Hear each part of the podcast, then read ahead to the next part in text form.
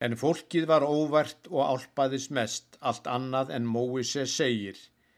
En svo let ég margt af því miða sem best, þann meiðin sem Ísrael þreyir. Það gerði þá bón mín og greiðlega flest, en glottir á eftir og þegir, því þangað fór engin og það beit mig vest að þar sáust alls öngvir vegir.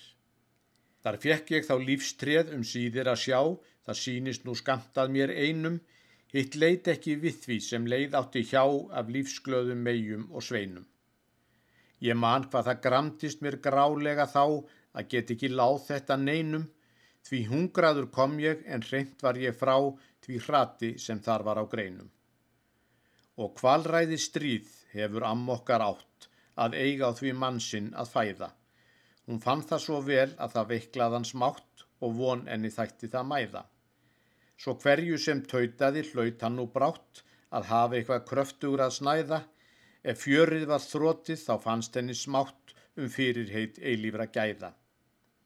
Því treð hefur rýran og rupplaðan svörð af rót eftir mís eða hjera, það síndist ekki okatækt alin frá jörð og eintóma mulninga bera. Ég svipaði segjand að sepa ótt sjörð en söðlítill fannst mér hann vera, Sá kerúp var farinn sem forðum helt vörð, hann fann þar var ekkert að gera.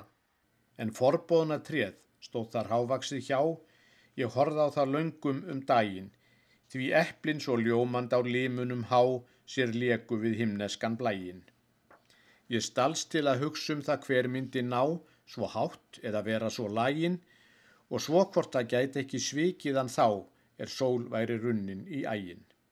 Þar stendur ekki ofinber stopnun í skjól og stjórnin er það ekki að kenna en fríðað er landið svo langt yfir ból sem ljósgrænu bógarnir spenna.